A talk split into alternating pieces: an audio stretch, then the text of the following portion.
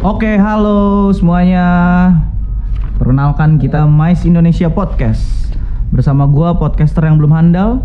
Jadi kenal ini gua Ongki dari Mais 2013 yang akan membawakan podcast kali ini. Gue punya narasumber nih untuk podcast ini. Jadi gua panggilan aja langsung. Narasumber gua yang pertama. Bang Tosca.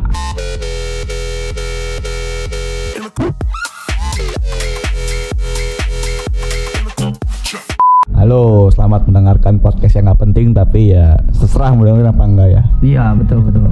Kebebasan aja. Gua ada satu narasumber lagi nih teman-teman. Jadi untuk podcast kali ini gua ada dua narasumber atau teman ngobrol. Yang berikutnya adalah Bang Mirza.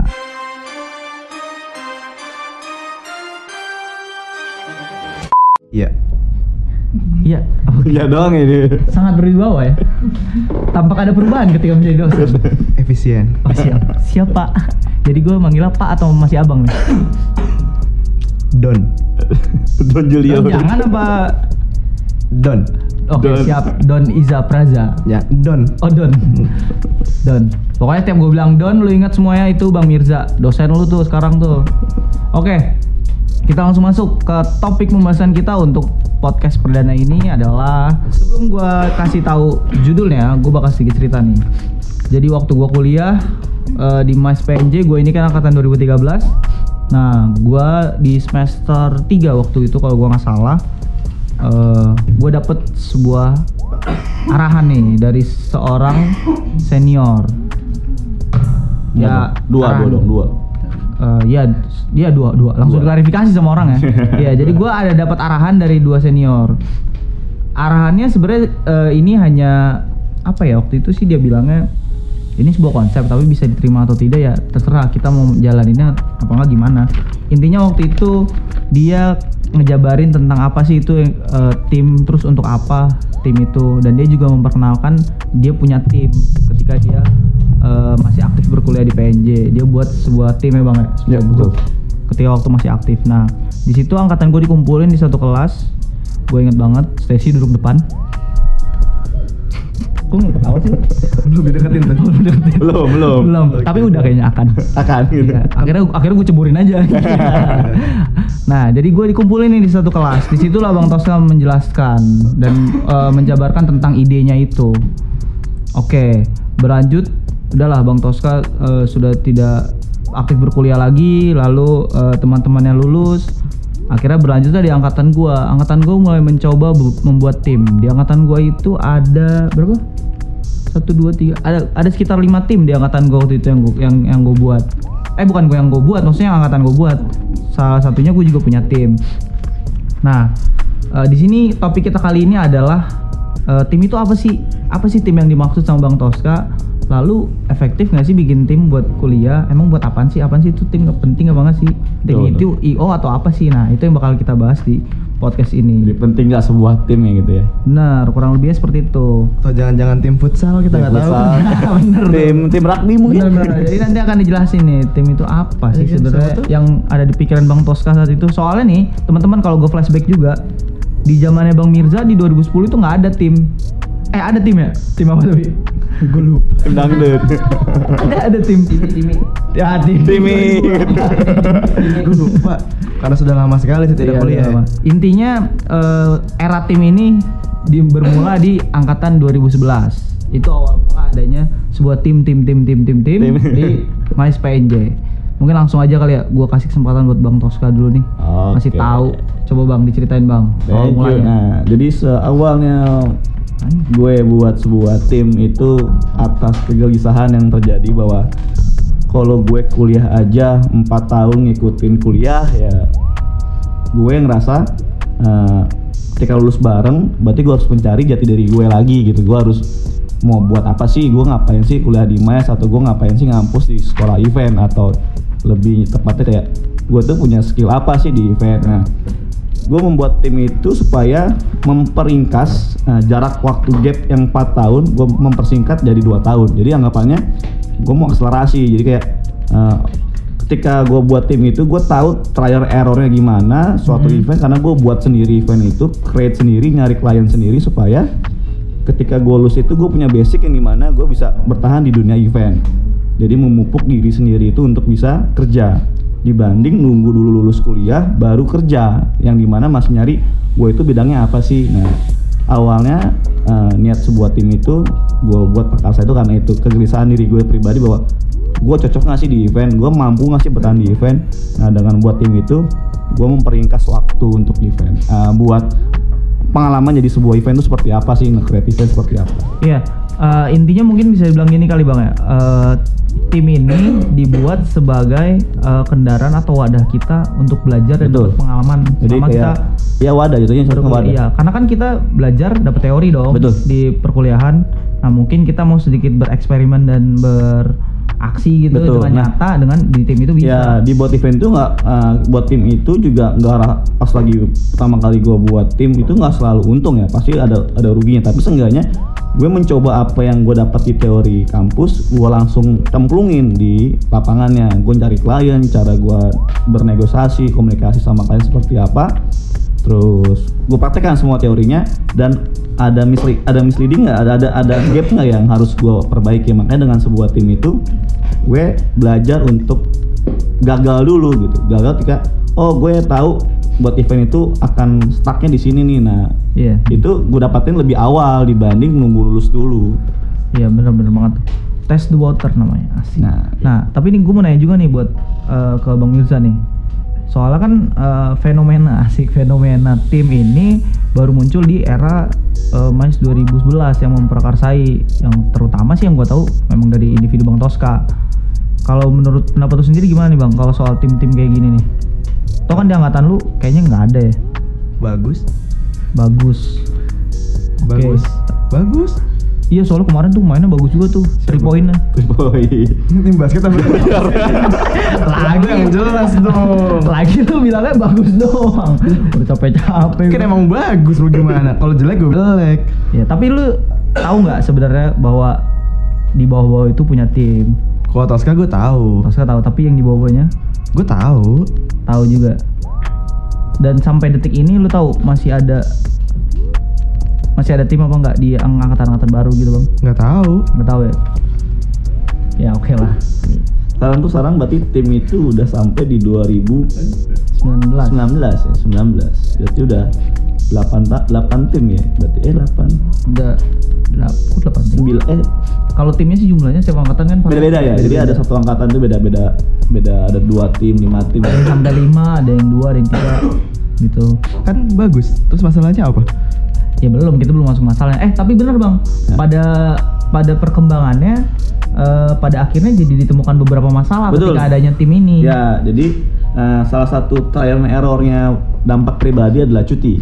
Jadi oh itu yang itu berdasarkan experience lu nih bang experience banget itu gua ngalamin cuti dua kali ya. Mungkin gua sebagai bukan korban sebagai trial and errornya. Kenapa?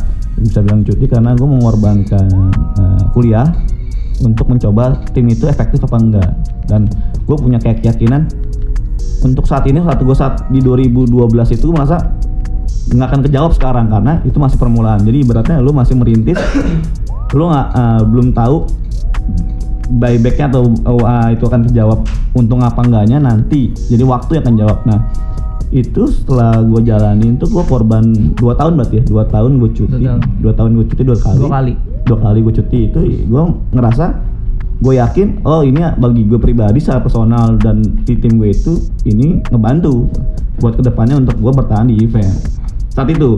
Nah ke sininya terus terus berkembang dan kemarin tuh gue sedikit sedikit bangga bahwa ada junior gue yang membuat event skala internasional.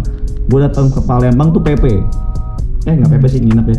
Nah, datang hanya sekedar memberi apresiasi bahwa gue datang sebagai kakak lo gitu oh iya Nah, meskipun ini anak yang buat event pun cuti juga gitu. Jadi sebenarnya dampaknya secara akademis atau di kampus ya taruhannya cuti karena ya jadwal kuliah kali ya dan waktunya ya.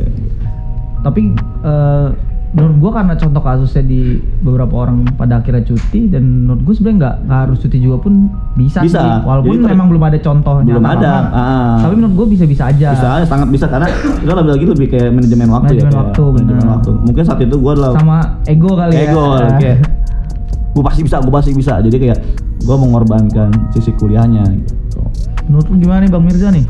Buat tim tapi pada akhirnya kalau tadi kasus yang muncul adalah eh, sampai-sampai beberapa orang jadinya cuti karena terlalu aktif mungkin di tim ini Ya, kan hidup, berambisi gitu. kan hidup pilihan. Ya, Ya terserah. Pilihannya begitu ya konsekuensinya seperti itu gitu kan pasti kan setiap keputusan lu kan ada kan ada konsekuensinya dong apa pun itu Iya, dong betul. harusnya lu sudah bisa menerima konsekuensi itu gitu kan apa yang lu tinggalkan nanti ap- ap- nanti akan apa yang lu dapat juga gitu Tanah tunai da eh tuna, tu, tuai dan tanam eh tanam dan iya, tuai iya. Iya. Gitu, Tabur se- tuai. sebenarnya kan Tabur hidup- tuai. hidup kan itu pilihan aja maksudnya kalau misalnya lu jadi mengkambing hitamkan membuat tim itu jadi dulu kayak gini ya nggak juga Iya nggak juga, jangan kayak gitu juga tapi ya nama hidup itu pilihan. pilihan Iya benar-benar sih. Nah, eh Mas, ya. Bang, Bang Tosca lu tau nggak? Ada juga eh, masalah yang muncul soal tim ini adalah yang gue lihat ya, karena gue sedikit memantau beberapa angkatan di bawah gua, gua lihat itu eh, adanya gap yang tercipta nih bang, hmm. dan adanya sebuah relasi yang eh, sedikit rusak menurut gua antar angkatan. Padahal seharusnya masing-masing angkatan itu harus punya solidaritas yang tinggi. Betul. Cuma karena dengan adanya tim kayak jadi ada ajang persaingan, ajang nunjukin gue lebih keren, gue lebih mantep karena gue punya tim. Nah, ini ini yang mau ada- ada kecenderungan gitu, Bang. Coba meluruskan ya. Eh, membuat sebuah tim itu bukan berarti kalian memisahkan diri dari eh, angkatan kalian atau memisahkan diri, mengeksklusifkan diri. Oh gue buat tim berarti gue lebih ngerti. Belum tentu juga karena tim itu tujuan awalnya gue lah membentuk pribadi yang lebih siap untuk di dunia kerja, bukan membentuk suatu tim yang uh, ajang eksklu- uh, eksklusif bahwa oh gue lebih hebat dari lu yang nggak buat tim, oh gue lebih ngerti dari kalian yang nggak punya tim, oh gue yang punya pengalaman lebih dibanding punya kalian nggak punya tim, karena belum tentu juga yang nggak punya tim nggak punya pengalaman. Nah, yang terjadi adalah sekarang itu agak sedikit berbelok dari awalnya niatnya gue buat tim. Berbeloknya itu ada ketika eh, sebuah tim itu sebuah ajang tadi eksklusivitas itu menggenggengkan diri. Nah, itu sebenarnya nggak nggak begitu tujuan awalnya gue gitu. Tim itu membentuk sebuah wadah yang di mana lu siap untuk menghadapi eh, event itu seperti apa, bukan ajang tradisi bahwa oh gue buat event lo sama gue beda nih gitu. Oh gue buat tim, oh lo sama gue nggak sejalan nih, nggak juga gitu. Nah bener tuh, berarti eh nih buat para maestroops yang dengerin. Jadi jangan salah kaprah gitu. Jangan sampai salah kaprah. Bukan karena lu punya tim lu terlihat hebat, bukan karena lu punya tim lu eh, dibilang berpengalaman. Itu semua balik lagi ke diri lu masing-masing sih. Betul. Nah, gue mau nanya, tetap gue harus nanya pendapat Bang Mirza juga sih nih, kalau soal kasus-kasus yang kayak gini kan. Gimana Bang menurut pendapat lo?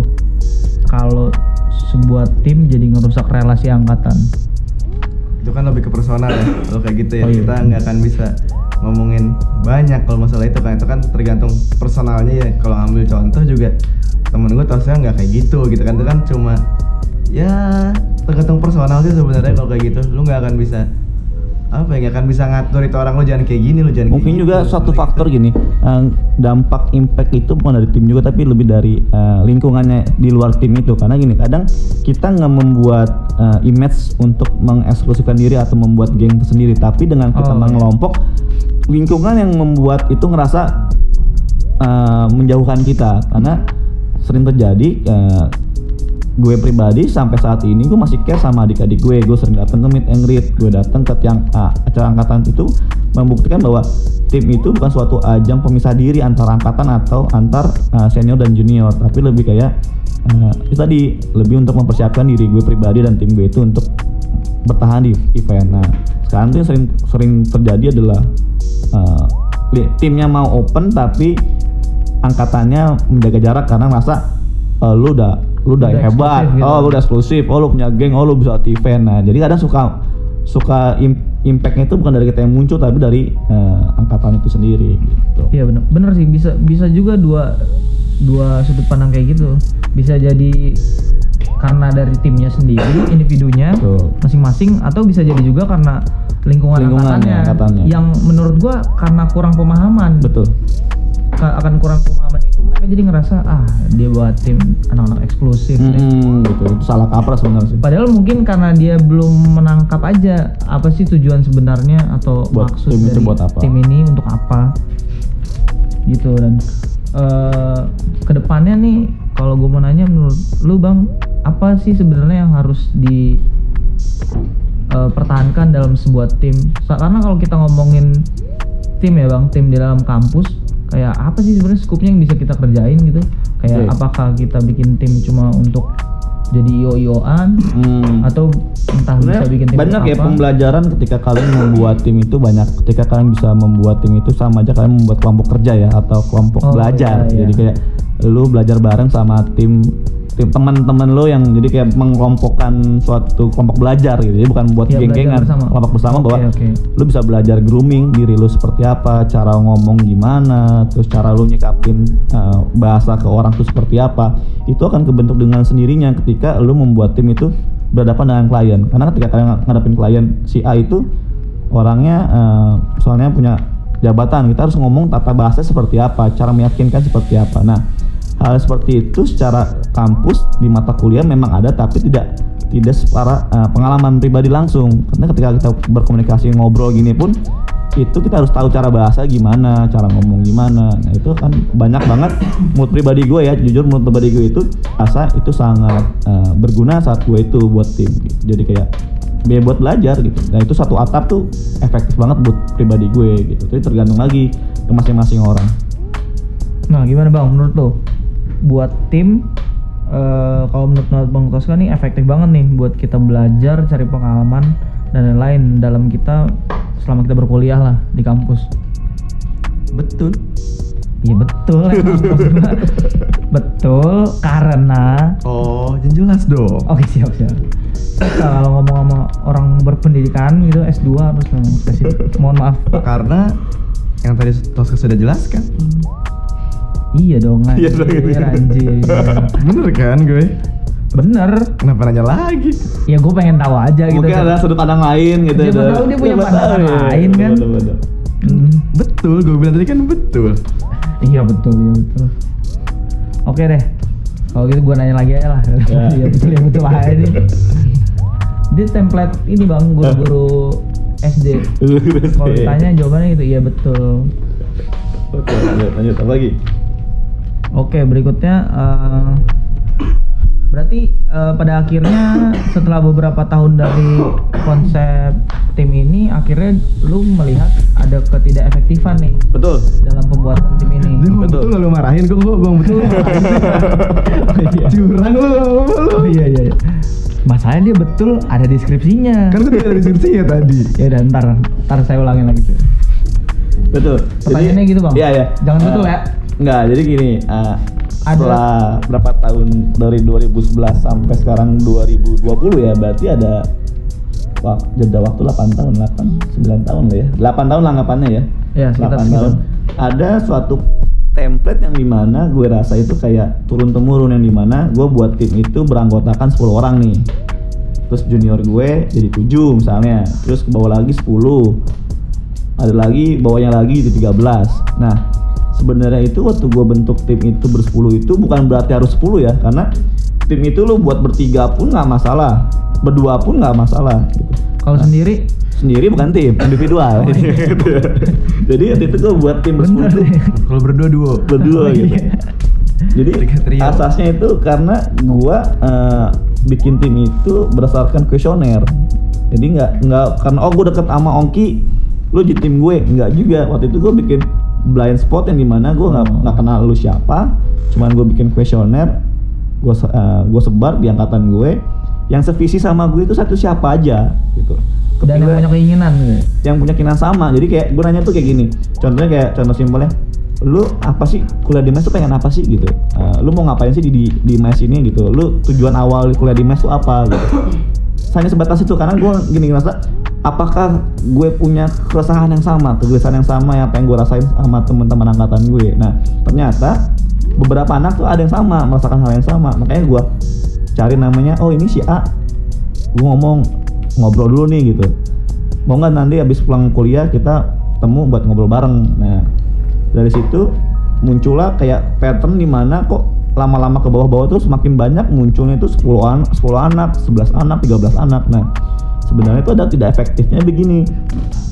Ketika tim itu berjalan di satu atap yang sama di kampus gitu, di PNJ atau di MAS itu satu atap yang sama, itu tim akan selalu bersama karena satu lingkungan. Jadi dia punya waktu yang bertemu itu sering karena di satu kampus. Nah, ketika itu sudah keluar dari kehidupan kampus, wisuda itu akan muncul di mana eh, masing-masing anak ini punya keinginan yang berbeda-beda. Ada yang pengen kerja di perusahaan orang, ya kan? Ada yang pengen sistem gaji. Jadi gue bilang ada tidak efektifnya ketika itu sudah keluar dari ruang lingkup kampus eh, di luar wadah itu, di Iya. luar wadah kampus itu akan kecenderungan yang aktif ya aktif, yang enggak aktif ya jadi jadi linglung. Linglung gini, karena di sebuah tim itu akan ada tipe yang di mana ngelit, ada tipe di mana follower.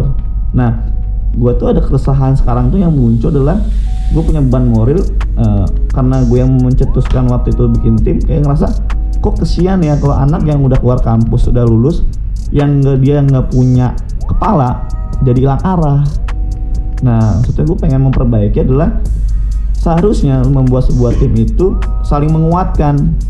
Adalah menguatkan lagi. satu anak tuh punya punya basic yang kuat digabungin lah dengan kelompok belajar. Jadi ketika itu lulus di luar satu atap anak-anak ini tuh punya basic yang sama jadi nggak hilang arah. Nah itu saat ini yang gue rasa gue punya keresahan itu pengen gue lurusin sedikit gitu.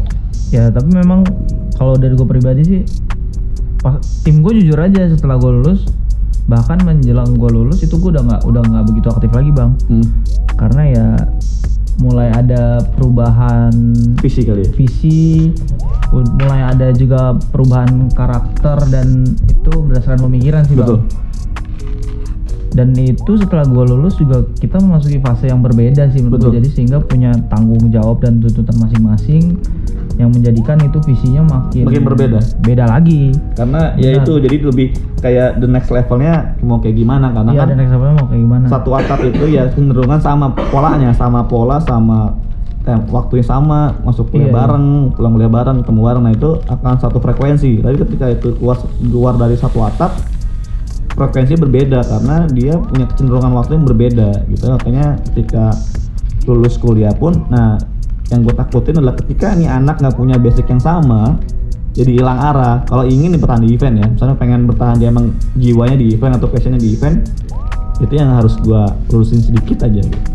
Tapi teorinya tuh kalau dia emang passionnya di event dia nggak boleh hilang arah sih tuh.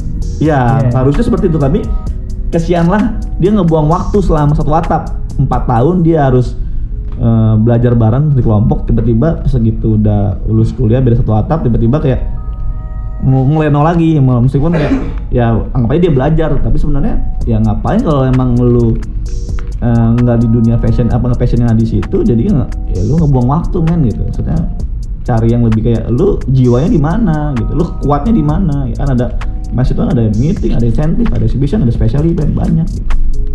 Jadi nggak hilang arah di, se- di segitunya sih. Iya tapi emang ya nggak bisa disalin juga ya nggak bisa nggak bisa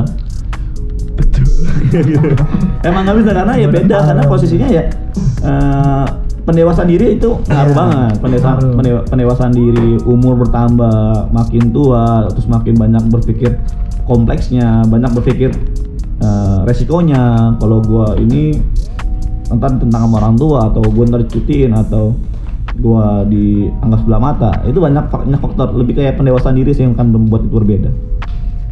Iya benar.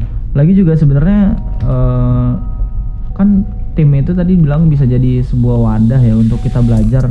Bahasa halusnya benar banget tuh sebenarnya kelompok belajar. Jadi ketika dulu nih waktu gue belajar di MICE, gue punya keinginan nih, oh kayaknya gue mau langsung terapin nih. Tapi gue nggak tahu wadahnya apa.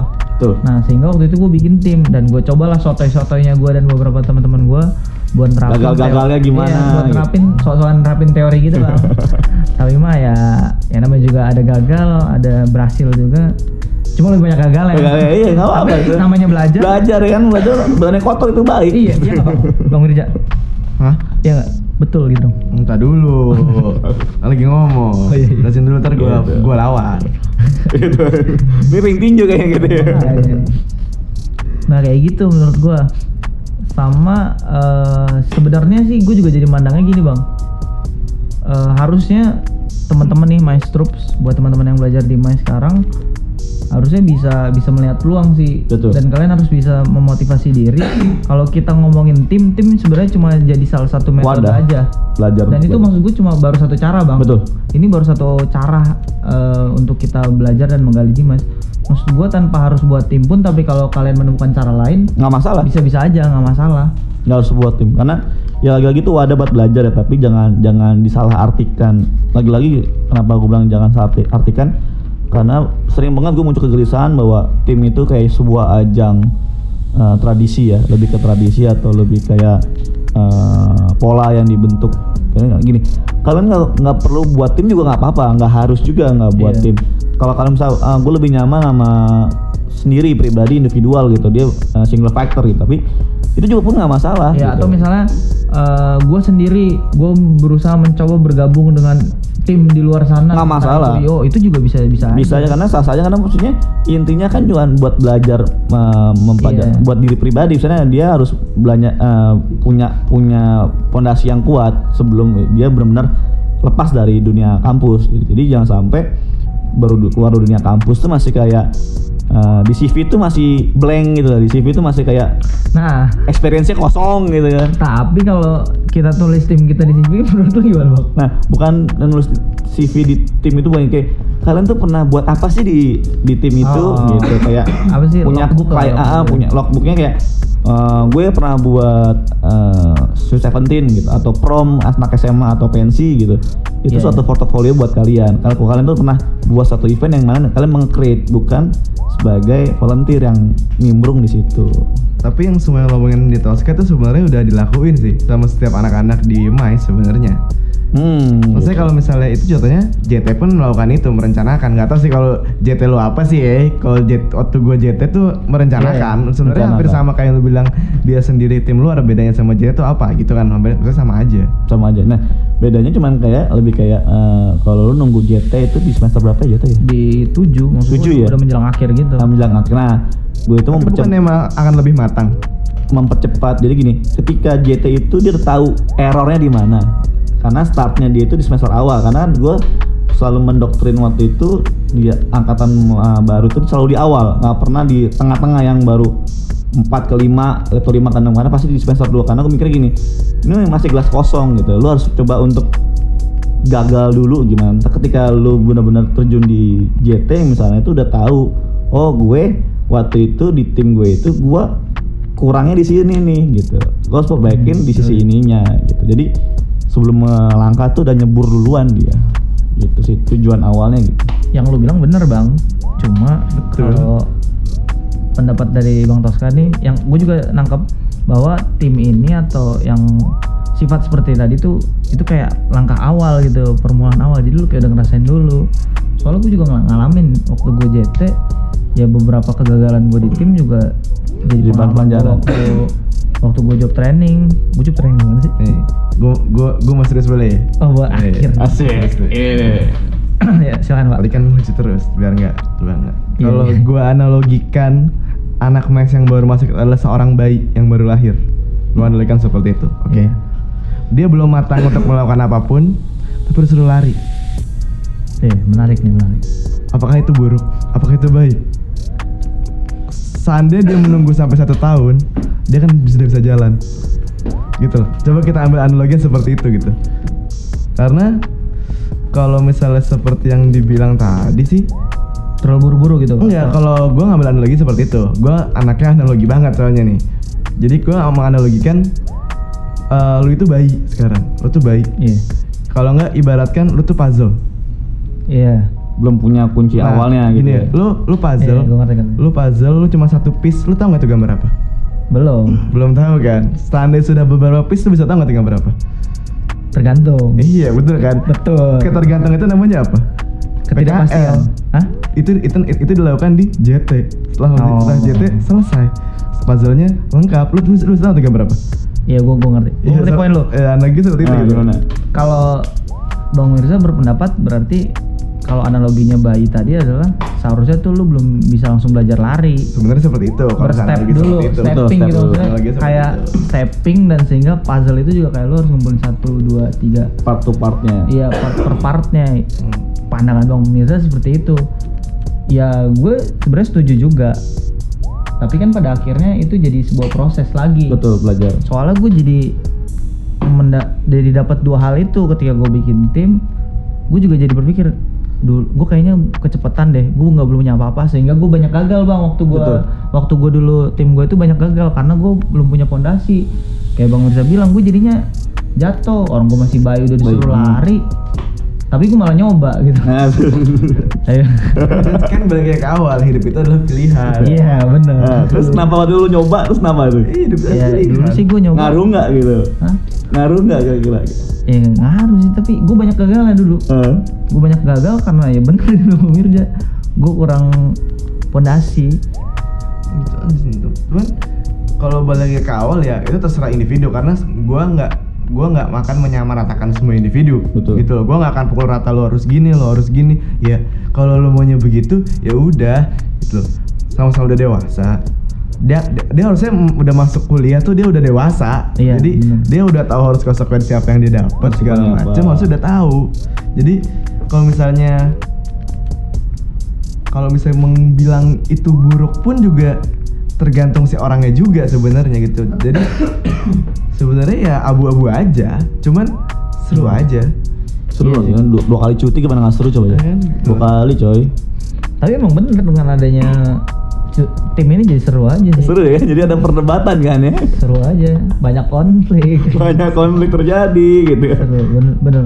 soalnya kalau kita mau eh, berpendapat menurut gue setiap orang kan punya pendapat dan pandangan masing-masing Masing-masing. ya kayak tadi bang Mirza juga pandangannya agak sedikit berbeda cuma nggak bisa disalahin juga. Itu benar juga menurut Benar, gue gue ngalamin juga tapi pandangan dari bang Toska juga karena gue juga ngalamin juga jadi menurut gue benar juga.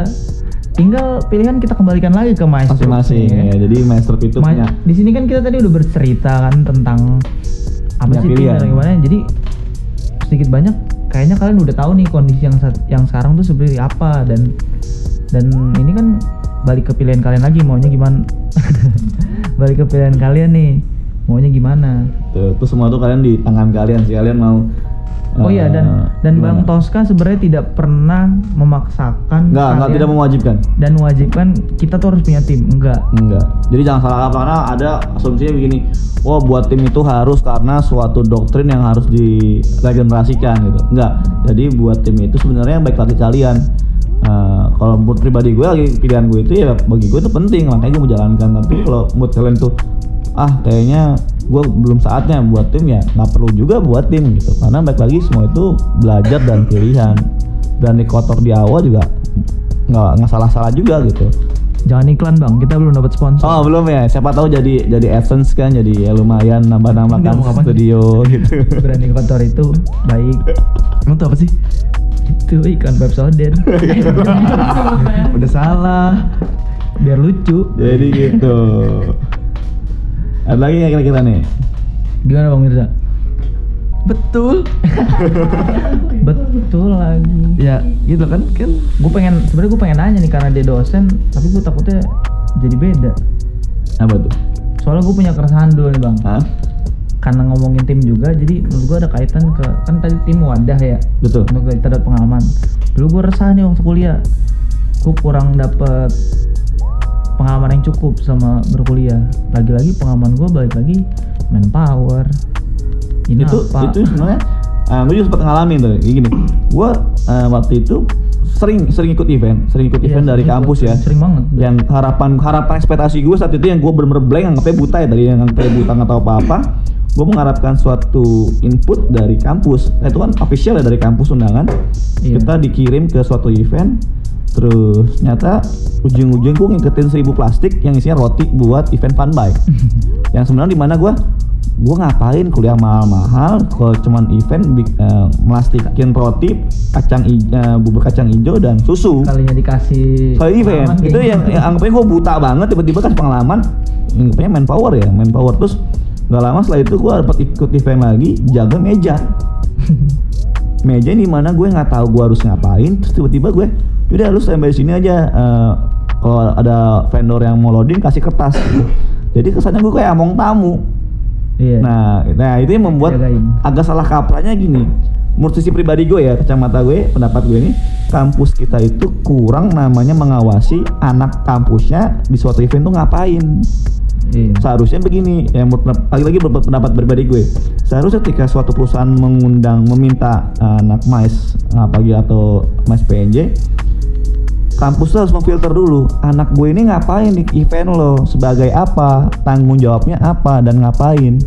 Jangan main kirim 20 anak jadi babu atau jadi manpower ngangkatin uh, bariket galon ya kan? Nggak tahu hanya kampus hanya penting intinya mengirim karena oh ini event gede gitu.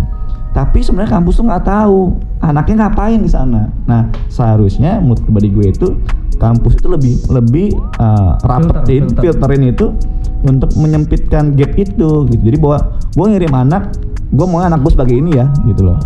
Uh, membantu untuk uh, konsepting misalnya konsep atau bagian untuk lebih uh, masuk dalam suatu tim core-nya atau membantu uh, perencanaannya bukan eksekutor di lapangan yang di mana ngangkat pagar emang ada ilmunya nggak juga gitu karena Iya.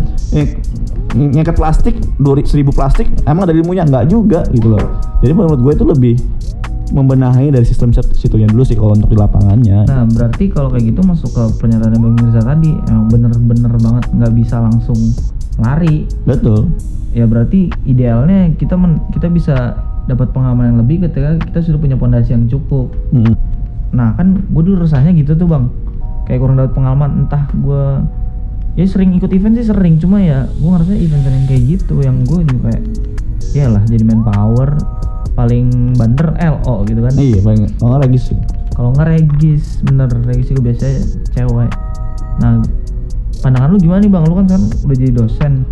Soal wadah itu sih bang, yang kita bisa berkreasi sendiri, yang bener-bener kita buat atau gimana gitu. Hmm, gimana ya? Tadi gue udah mau ngomong tuh, cuman gue lupa. Iya.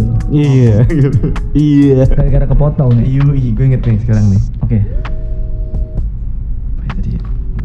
Eh, sebenarnya kalau misalnya mau dibilang kayak gitu benar Hmm. ya udah benar iya jadi gini se- sebenarnya kalau misalnya yang tadi Tosca bilang itu kan ya apa ya itu salah kampus apa gimana ya Jay? Eh, atau kampus tuh nggak mau tahu yang penting kirim aja gitu sebenarnya kesalahan itu ada gue nggak mau nyalahin mahasiswanya sih sebenarnya sih cuman Iya. sebenarnya kan eh gue mau ngeliat orientasi mahasiswa dulu dulu itu gitu Oh, kan apa oke, itu oke. pertama Eh, karena tujuannya tuh sebenarnya kan volunteer itu kan lu melihat Mengamati you secara observing gitu sebenarnya lu harus lu harusnya meng- m- mengamasi apa Iya. M- Mengamati gitu. m- mengamati eventnya gitu Observasi langsung. Pasti langsungnya. Metodenya, iya. Harusnya seperti itu kan. Teorinya orang harusnya melakukan itu kalau Iya, misalnya dia melakukan volunteer. Tapi kan kalau misalnya dia berpikir ya gue kayak gini doang, ya berarti emang dia emang emang jiwanya seperti itu gitu, bukan jiwa yang bisa yang mengamati gitu karena lu bisa masuk ke sebuah event berarti lu harus bisa mengawasi dong. Lu sebagai pengunjung aja lu bisa mengawasi gitu kan. Apalagi lu sebagai orang yang ibaratnya kerja di situ gitu kan. Betul balik ke orangnya lagi sebenarnya kalau misalnya mau ngomong gitu. Terus juga banyak orang yang orientasinya juga Unoriented. gini deh lu dikasih pilihan lu jadi volunteer atau jadi usher. Eh gitu deh. Usher ngapain sih bos Gak mau ngapain. sama aja kan eh eh eh, eh. Tapi Iya. ya gitu deh, saya eh, ya kayak gitu lagi sih. Ba- balik sebenarnya gue beli kebalik ke orangnya lagi. Kalau misalnya dia bisa bener-bener. bisa ngikutin apa yang emang harusnya diikutin, harusnya bisa gitu. Makanya gue bilang cara orang tuh beda-beda. Gitu. Mungkin emang ada yang emang harus dia create sendiri, ya kan? Atau mungkin dia bang harus melihat secara visual, ya, merasakan atau mendengar kan beda-beda semua. Jadi tergantung orangnya sebenarnya. Gue balik ke orangnya lagi sebenarnya. Lu gini deh, anggaplah lu disuruh jaga gitu ya, regis, ya kan? Iya. Lu bisa belajar gimana sistem registrasinya Iya. ya kan lu bisa belajar gimana flow yang baik wah event ini jelek nih flow-nya. Nah, terus kalau kalau main power ngangkatin pagar gitu, Nah, ilmunya apa tuh? tapi sebenarnya yang Oh. bilang Morbiza benar nih Ah. observasi. Nah, yang poinnya Bang Tosca soal filter itu benar juga. Oke lah kalau kayak tahap registrasi ya, lo mungkin masih ada ilmu Masih ada related sama kita gitu pemahaman mas. related yang bisa kita dapat. Tapi kalau manpower itu kayaknya kampus kayak nggak ada filter gitu bang. Iya juga sih. Ngerja, eh, masa anaknya dibiarin jadi manpower yang namanya aja udah manpower. Jadi ngangkat galon gitu. Yang dibutuhkan Iya, kekuatan. Kekuatan bukan pikiran nih. Pemikiran. Berarti sih lebih ke kebutuhan perusahaannya kayak. Iya tapi apa kakak sebenarnya bisa aja Enggak gini deh, sekarang gini deh. Kalau kampus memberitahu kalian jadi manpower, Oh benar yang tadi. apakah ditolak Dari anak mahasiswanya. dari orang mahasiswanya? Ah coba gua tanya gitu dulu. Ya, kalau ketika Gua- gue gua lempar gitu sekarang. ditawarin nih, oke jadi main power ya, pasti gue tolak. Ya kan makanya setiap orang beda-beda kan. Ah, karena bisa mikirnya itu. kuliah mahal gitu. Tapi ada juga yang Adri mau karena hitungannya main oriented jadi kayak gini. Iya. Gue ikut event 7 hari jadi main power lah, anggap aja gue angkat galon atau gue angkat pagar gitu. Iya. 7 hari dapat uang tiga setengah kali 7 Iya lumayan. Ya lumayan. Eh, Nah, bener kan mikir balik lagi ke orangnya, tapi kan sayangnya kenapa kampus tuh nggak filter gitu. gitu. Nggak langsung kayak langsung dikata manpower tidak terima. Oh ini ini nggak related sama ilmu gua nih gitu. Oh, ini ini nggak related sama uh, mais nih gitu. Gua mau anak mais bagian LO misalnya LO, regis atau Regis. misalnya concepting gitu atau Ya, atau uh, budgeting gitu. koordinator apa gitu. Jadi lebih kayak core-core-nya, jangan kayak Oke kirim 20, anaknya ngeblank nih. Pak, saya mau bantu apa ya? Saya dari uh, Mais Poltek Negeri Jakarta uh, suruh kampus buat event ini. Angkatin pagar dong bariket dari sana ke sana. Itu bariket minimal angkatnya empat orang kata dia. Jadi ya waktu gue ngalamin itu ngerasa kayak gue salah salah salah ikut event gitu karena kayak gue ilmunya apa ngangkat pagar gitu karena nggak nggak related banget gue gue teori meskipun gue masih awal-awal gue ngerasa nggak ada pernah ada ilmu yang di mana ngangkat ngangkat ngangkat pagar tuh nggak ada ilmunya gitu loh jadi kayak bener-bener Kalau- manpower filter yang lu masuk tuh filter apa sih tuh? Yang Eh, dikat aja atau yang kayak Enggak, tadi gue bilang? menyari misalnya kayak kampus lebih lebih aktif kayak "Nah, anak gue ngapain di acara lo misalnya oh, oh gini misalnya eh, Nanyain ke si penyelenggara acara gitu. Jadi kayak lebih kayak eh, membentengi dulu nih sebelum anaknya dikirim. Ibaratnya kayak perang tuh udah tahu nih anak gue mau perangnya mau perang apa. Nah kalau misalnya tadi gue bilang Kita perang barbar tadi, lagi gitu kan. Gue bilang seperti tadi itu mau filter juga namanya kan berarti kan yang kita ini gue lu Tapi- jadi manpower tapi itu balik ke kalau yang lu bilang tadi bener cuma itu filter pribadi. Pribadi. Nah, maksudnya kalau misalnya filter dikat itu bukan filter namanya gitu kalau filter itu kan lu kan bisa memilih lu mau ikut atau enggak Oh. Gitu. Mau jadi kayak mungkin mengategorikan kalau misalnya Mas, eh, ketika IO ngubungin ke kampus tuh kampus harus tahu. iya dia minta apa kayak gitu kan Ah, misalnya ketika emang memang nggak related sama kampus, harusnya kampus tidak mengeser atau tidak mengizinkan atau tidak mengirim anaknya ke acara itu gitu sih. Ya nggak sih? kalau kayak gitu kita terlalu ekstrim sih menurut gua. Karena relasi kan penting juga terus kayak gitu akan sama perusahaan tersebut event tersebut gitu. Ya, kalau ya, misalnya pakai cara gitu sih kayak nggak akan ada event sih di kampus.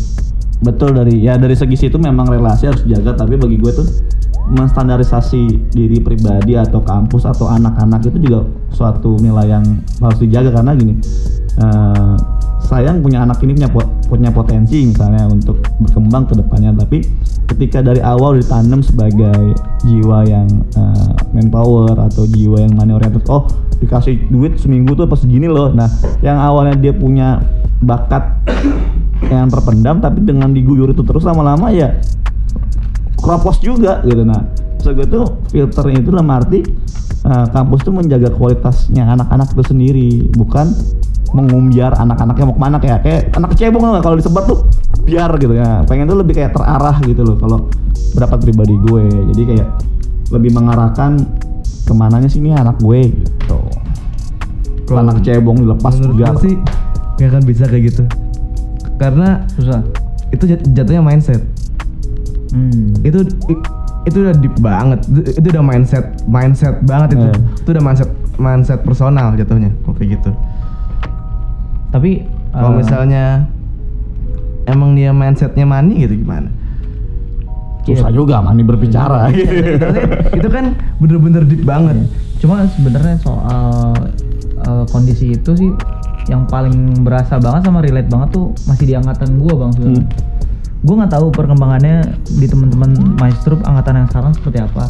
Tapi gue sempat dengar juga bang ada ada beberapa event yang sudah ditolak sama kampus kayak Hmm. kampus sempat sempat oh ini kita nggak perlu ikut lagi yang ini nggak usah diikutin Nah, lagi." berarti itu. Gua- Itu bagus berarti itu. Nah itu tuh mulai udah mulai ada bagus. gue lupa itu dimulai pas kapan. Sama yang gue denger juga untuk menanggulangi yang kayak tadi itu Hmm. adanya laporan, laporan yang harus dibuat. Nah, yang tadi bang Mirza bilang harusnya kan lu ketika lu dikirim event sama kampus ke organizer mana, lu harusnya bisa mengobservasi karena kan itu bagian dari metode penelitian ya? juga Hmm. observasi aktif. Nah sehingga kampus ngakalin dengan lu event boleh, tapi lu bikin bikin ini ya, bikin report ya. Misalnya gue regis, gue bikin report tentang regis, gue ngapain aja, sistem registrasinya kayak apa. Itu itu udah mulai membaik sih menurut gue. Nah, berarti ada ada ada groomingnya dari Iya, ada, ya, ada pemperbaikan ada per- diri. Ada perkembangan, ada pembaikan diri. Tapi gue nggak tahu sih kondisinya sekarang itu masih atau enggak. Nah balik ke yang bang Mirza bilang soal individunya, banyak juga yang Nyari uang gitu. mengambil langkah tidak ikut event dari kampus tapi mencari event individu sehingga tidak perlu bikin laporan Betul. masih banyak mungkin karena ya mindset yang tertanam di dulu dari Bawah dulu ya? ke bawah Bisa walaupun jadi. sudah dibuat seperti itu Oke. Bisa jadi, bisa jadi. gimana tuh Hah? yang sekarang bang Gua Part nggak tahu. 2 dong ini kita sambung dulu biar penasaran Mas. Nah. bener-bener terus Terus capek tahu itu ngomong mulu. Capek. Kocak lu. Part 2 tuh capek di ngeditnya bukan ngomongnya Eh biar ada berkelanjutan. Jadi kita ngebahasnya itu lebih spesifik. oh iya iya benar bisa bisa Jadi nggak babat Baik. habis nanti bosen dengerinnya nggak nggak ada essence-nya nanti ya kan nggak ada Bener. dapat duitnya ini. banyak sih sebenarnya kalau yang banyak banget. tapi ini kita nyari duit sebenarnya. Iya. Nyari duit gitu. kita nyari duit jadi tolong ya ini ngomong aja nyari duit kita gitu. Nah, intinya sih sebenarnya teman-teman Maestroops ya. eh, ini tadi kita hanya bercerita. bercerita aja. Kita hanya bercerita, kita tidak mengarahkan kalian, kita tidak Nggak ada kalian. membuat suatu arahan jelas kalian gitu enggak Kalian ya? harus seperti apa? Tapi dari inti pembicaraan ini adalah tim itu hanya tim Sebagai yang wadah. dibuat selama ini di setiap angkatan bermula dari Bermula dari 2011, terus angkatan gue 2013 dan ke bawah ke bawah tim yang dibuat dan tercipta itu adalah sebagai wadah dan Bukan buat geng-gengan eksklusivitas Iya, yang memisahkan angkatan ya. benar bukan ajang lu menunjukkan eksistensi lu di angkatan buat lu terlihat lebih hebat enggak itu harus dilurusin banget dan setelah kalian denger ini pilihan kita kembalikan ke kalian Kalian semua, semua itu bagi Per- kalian. perlukah kalian menempuh sebuah pembelajaran lewat tim lewat kelompok kerja tim itu atau enggak itu balik ke kalian dari cerita yang udah kita ceritain tadi kalian refleksikan aja lah kalian pikir-pikir wah gue perlu nggak ya bikin tim atau ah kayak nggak perlu deh gue punya metode lain silahkan kayak gitu sih bang Mirza ada akhir kata yang mau ditambahkan Betul. Mantap. Mantap dah dosen gua. Eh, enggak, bukan dosen gua, dosen lu pada. Pada. Yang dengar. Bang Toska ada lagi? Eh, ya pada intinya jangan jadikan suatu eh, wadah itu sebagai tameng untuk kalian merasa lebih hebat atau mengasingkan diri. Karena pada mulanya itu sebuah wadah itu ciptakan untuk belajar ya. Jadi bukan untuk suatu ajang jago-jagoan gitu. Jadi iya, benar. tapi juga gini kadang eh, kesempatan itu kita yang ciptakan ya eh, bukan kita menunggu atau datang sendiri.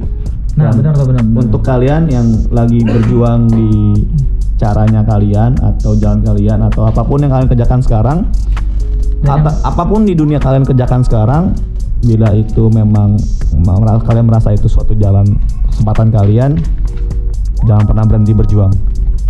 Ya, thank you Bener, intinya tuh bener banget. Balik ke eh, kalian harus bisa memotivasi diri kalian bahwa kalian mampu men- menciptakan dan melihat peluang tersebut sehingga ya kalau masih kuliah kita harus buat sebanyak mungkin bebas berkreativitas itu aja sih. tunggu part 2 nya katanya Iya. tunggu part tunggu part Dua 2 dan beberapa topik-topik lagi yang menarik seputar Mais PNJ nanti bakal kita bawa ini di podcast Mais Indonesia. Indonesia. Nah, kita bahas tuh topiknya. Nanti kita akan keluarin topik-topik seperti legenda Mais, mitos-mitos mais mitos-mitos Mais. terus anak mas itu bilang cakep-cakep ganteng-ganteng bener apa enggak Iya bener itu, gue ganteng. terus banyak yang senior pacaran sama junior itu bener apa enggak itu lo doang udah. Oke. Oke. Oke, thank you banget Mas Troops kalau yang udah ngeluangin waktu tanpa nge-skip sedikit pun dari apa yang kita obrolin. Kalian semua luar biasa. Sampai berjumpa di podcast berikutnya. See you My Troops dan selamat pagi, siang, sore, malam.